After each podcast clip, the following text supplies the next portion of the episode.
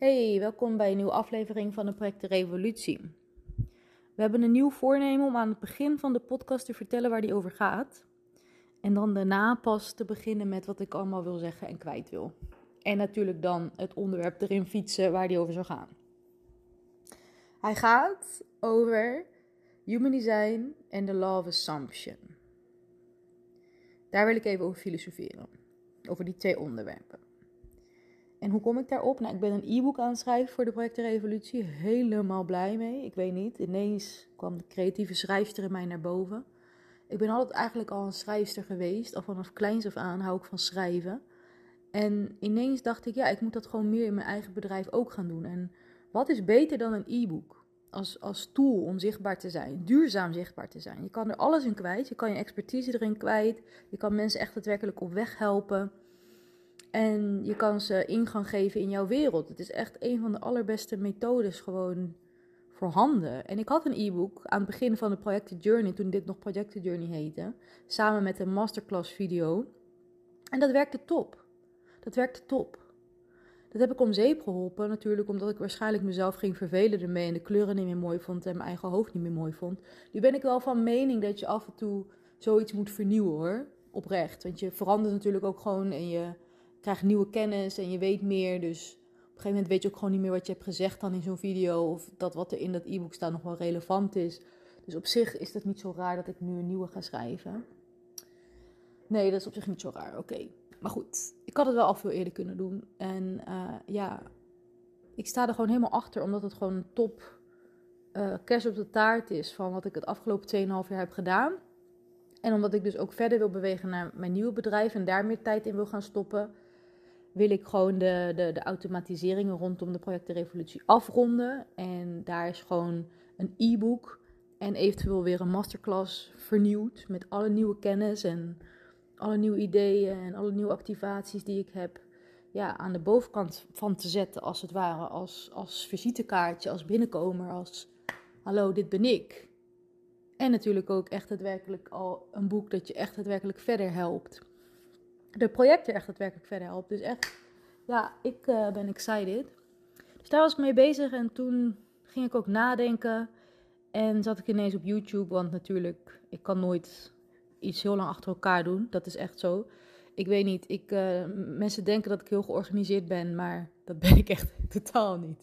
Nee joh, ik ben echt, ik ga alle kanten op. Ik heb 96 tabbladen openstaan. Uh, ik begin halverwege met de boekhouding en dan vervolgens zit ik op YouTube een filmpje te kijken. En dan zit ik een, een, een, een of ander super ingewikkeld wiskundig transcript te lezen over de meest diepe lagen van human design. En vervolgens ben ik een e-mail aan tikken. En dan denk ik dat ik nog een bepaalde klant moest antwoorden, een vraag moet beantwoorden. En dan voor het weet zit ik op Instagram. En dan zit ik weer in Canva. Zo kunnen dagen van mij eruit zien. En dat is echt niet oké hoor, dit. Het is niet leuk. En ik, ik heb daar ook echt heel veel moeite mee. En ik denk ook daarom dat mijn businessgroei gewoon ontzettend traag gaat, af en toe. En ik moet daar gewoon workarounds in hebben. Ik moet echt ochtends zeggen tegen mezelf: eerst twee uur lang deze taak doen. Dus eerst twee uur lang bijvoorbeeld, als ik zo'n e-book wil afzien te krijgen, dan moet ik eerst ochtends, voordat ik mijn mail open, voordat ik de telefoon open, voordat ik ook maar iets ga doen wat met de buitenwereld te maken heeft, of met prikkels, of met. Dan moet ik aan het e-book gaan zitten gewoon. En meestal is dat dan toch vijf uur ochtends ongeveer. Uh, of zes uur ochtends. En dat zijn dan de beste tijden dat ik ja, de meeste kans heb om zoiets uh, voor elkaar te krijgen. Als het ware om af te krijgen. En daarna begint het, de ellende. En ik kan soms echt aan het eind van de dag dan kijken en dan zie ik gewoon dat de mailtjes niet verzonden zijn of dat er ja, boekhouding dingen niet kloppen. En het is echt, uh, ja, dingen afmaken ook heel lastig. Echt heel lastig. Nu ook uh, het, het, semester van de opleiding moet ik afronden. Ik heb de hele uh, huiswerk gedaan. Ik heb audiotapes. Ik heb het verslag gemaakt. Ik heb alles staan. Maar dan heb ik feedback gekregen van de opleiding wat ik nog eventueel zou moeten aanpassen. Het zijn echt twee kleine dingetjes. En dan heb ik gewoon het semester officieel afgerond, als het ware. Nou, dat is echt top. Dat is echt dan een hele prestatie. Maar dat, dat, dat, dat doe ik nu al weken over. Ga het gewoon afronden. Ga gewoon zitten, maak het af, weet je. Ja, het is echt, echt een ding. En nu heb ik daar ook assistentie voor dus, die mij daarbij helpt. En me er echt op wijst van, hey, los eindje, los eindje, los eindje, los eindje, los eindje, los eindje. Oh ja, oké. Key, topsport, focus. Ah. maar goed, we doen wel iets goed hoor. We komen altijd er wel, vroeg of laat. Oké, dat was even de inleiding. Ik weet dat ik uh, ja, deze podcast altijd gewoon maar dingen deel om, omdat ik dat doe. Ik, dat is wie ik ben. en ik weet dat het mensen helpt, want ik weet dat heel veel projecten hier ook mee zitten. Maar dan nu even naar het onderwerp waar het eigenlijk over zou gaan. Dat is Neville Goddard en Human Design. En Law of Assumption is een wet die ik al voor Human Design kende. En die ik met veel plezier volg en bestudeerd heb. En heel veel verschillende boeken over gelezen heb. En verschillende teachers voor bekeken heb. En heel veel luisterboeken ook voor geluisterd heb. Van zowel Neville Goddard als, als Abraham Hicks, als uh, Florence Kovalchim. The Game of Life. En allemaal vertellen ze het net een beetje anders, maar uiteindelijk komt het op hetzelfde neer. Feeling is the secret. Feeling is the secret. En wat bedoelen ze daarmee? Is dat jij voelt dat je het al bent. Dus stel, je woonde net als ik in een omgebouwde paardenstal in Ibiza. Met een halve kapotte auto die illegaal op het eiland was bijna. En ja, huis in Nederland was onderverhuurd. En er kwam maar steeds niet genoeg inkomen binnen. En je voelde gewoon, ik voelde gewoon dat ik de grip op het leven aan het kwijtraken was. En dat ik voor altijd daar als een soort vagabundo, kluizenaar in de kampen van Ibiza zou blijven wonen. en niet meer terug de maatschappij in kon. Omdat ik het gewoon niet meer, niet meer op kon brengen. En niet meer kon, niet meer kon gewoon. Ik kon niet meer meedoen. Dat gevoel had ik daar. En dat je dan ja, gaat uitzoeken van hoe kom ik hier dan nu uit, uit deze crisis. En ja, dan kom je toch altijd weer uit op Abrahamic, Law of Attraction, of Assumption, Human Design. Dat zijn dan, dan de enige handvaten en tools die ik op dat moment had om eruit te komen. Weet je, ze zeggen ook van ja, mensen die geen wonderen nodig hebben, zullen niet zo gauw in deze, deze, deze materie terechtkomen. Maar mensen die het echt niet meer weten, en met de rug tegen de muur staan, ja, die hebben gewoon geen keus meer dan dit soort uh, theorieën en leren te volgen. Dus voor mij was Human Design daar op dat moment de missing link, omdat ik daar op dat moment besloot dat ik keuzes moest maken. En keuzes moest maken waar ik 100% achter kon staan. En daar leerde ik echt daadwerkelijk keuzes maken. En dat is ook best wel bijzonder eigenlijk, want een vriend van mij die is daar langsgekomen vanuit Nederland. Een vriend die me altijd hielp in de hoop zien ehm, met, met shows. Die is daar langsgekomen op vakantie. En ik weet nog, nu herinner ik me dat ineens, want dat herinner ik mij toen niet.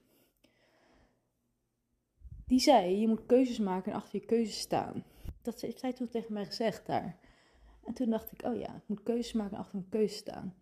En toen kwam heel Human Design inzicht dat ik dus keuzes moet maken aan de hand van mijn emotionele autoriteit.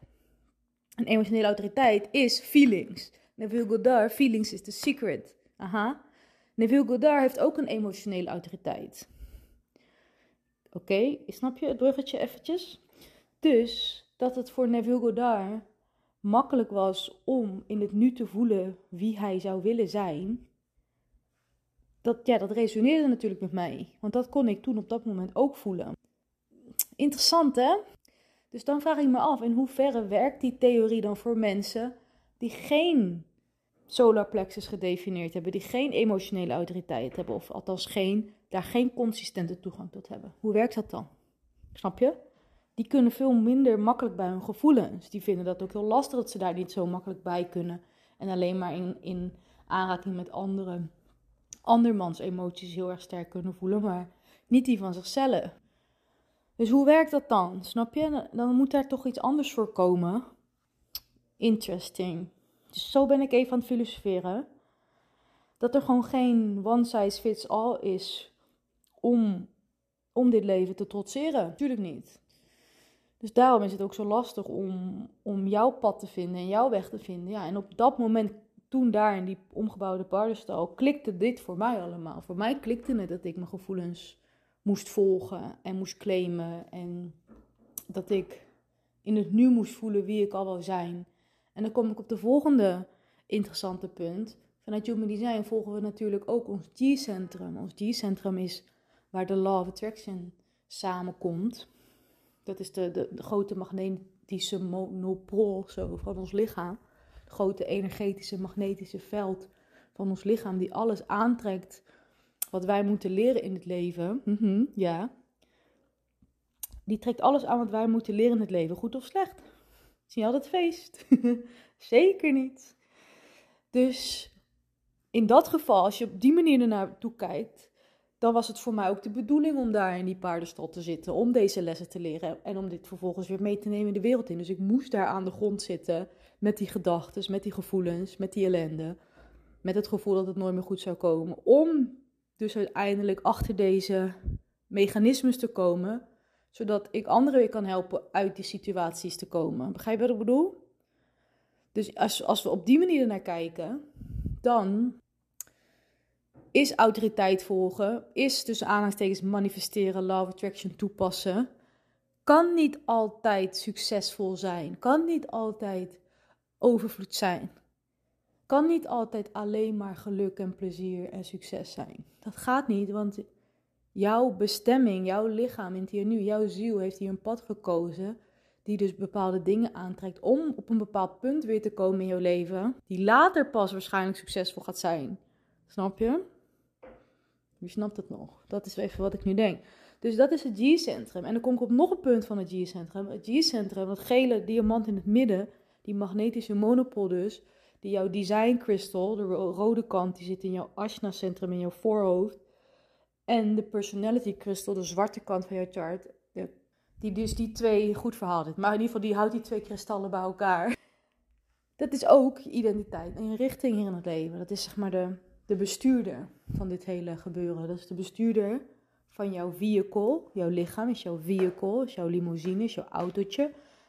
Dus personality is je ziel. Die zwarte kant dus, die bewuste kant van jou. De kant die je al heel veel levens kent, is je ziel. En dan heb je de design crystal, die is hier op aarde, de rode, de rode kant, is hier op aarde erbij gekomen. zijn jouw genen. Gewoon jouw keiharde lichamelijke genen, DNA, voorouders, everything. Mhm, ja, besef. Dus die zwarte en die rode kant van je chart worden bij elkaar gehouden door die gele magnetische monopool. Die dus alle ervaringen en lessen en pijnstukken en ellende en succes en plezier en overvloed naar jou toetrekt. Om op die manier de hoogste potentie van jezelf te leren worden. Je bent een student als het ware. Om jezelf te ontdekken hier op aarde. Voor whatever bullshit reason. Dus dan is die gele uh, diamant dus die is van identiteit en richting. En als we Neville daar moeten geloven, als jullie nog met me zijn hier zo, moet je in de identiteit stappen van datgene dat je wilt zijn. Dus stel, toen de tijd zat ik in die paardenstal, wou ik, wou ik zijn wie ik nu ben. Dan vraag ik me dat af. Volgens mij wou ik gewoon daar weg. maar en gewoon geld op de bank en gewoon normaal leven, alsjeblieft. Dat is wat ik wou. Ik, ik had niet eens over eisen, maar ik, ik wou gewoon een consistent inkomen. Jawel, ik wou, ja, precies. Ik wou zijn wie ik nu ben. Ja, eigenlijk wel. Ja, nee, oprecht. Ja.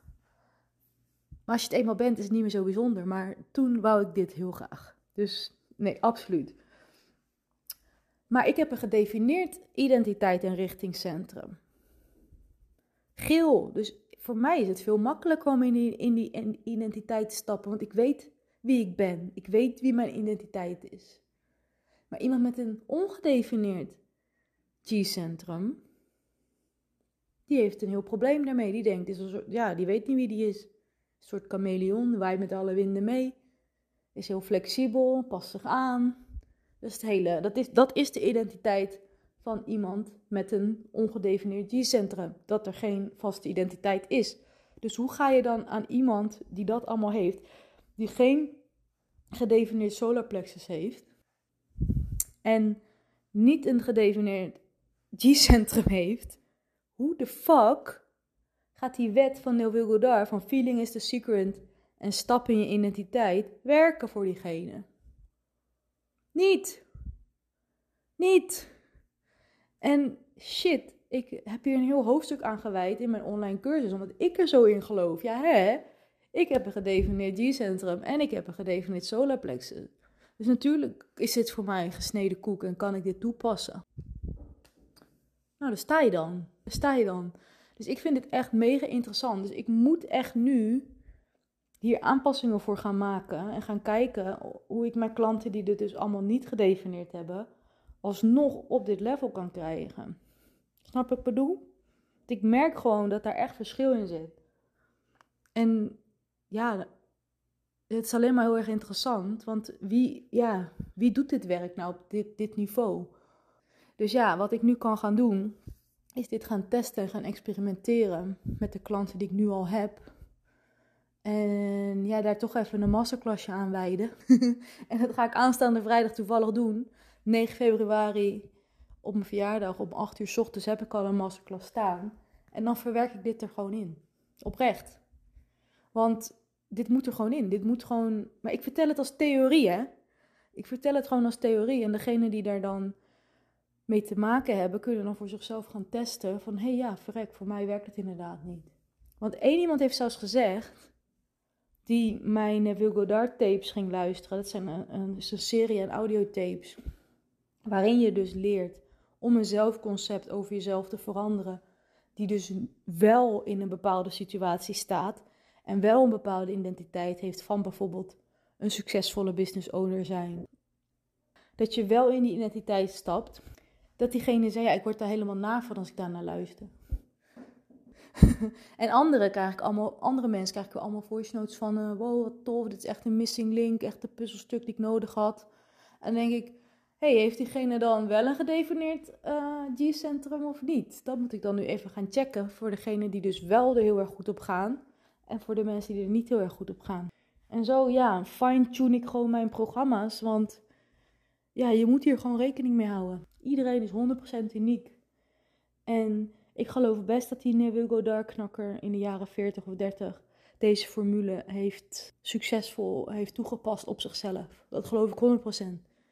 Dat is gewoon echt magisch en dat heeft hij goed gedaan. En hetzelfde geldt voor Florence Scovel En ik heb het zelf succesvol toegepast. En nog steeds kan ik eraan werken om het nog succesvoller toe te passen. Maar ook mijn mental diet, zoals dat heet, is niet altijd on point. Ik kan soms ook dagenlang weer in de blame game en de slachtofferrol lekker rondbadderen. En dan maar afvragen waarom dingen niet lukken en niet slagen. En dan moet ik ook ik weer met militaire discipline mezelf terugpakken en zeggen: hé, hey, dit hadden we niet afgesproken. ja? Terug naar de routine, terug naar het plan, terug naar strakke strakke gedachten, zodat je gevoelens weer in lijn komen met wie je echt daadwerkelijk bent en wilt zijn. Maar ja, los daarvan dus is niet alles jouw schuld. Los daarvan hebben we ook gewoon heel erg weinig te willen.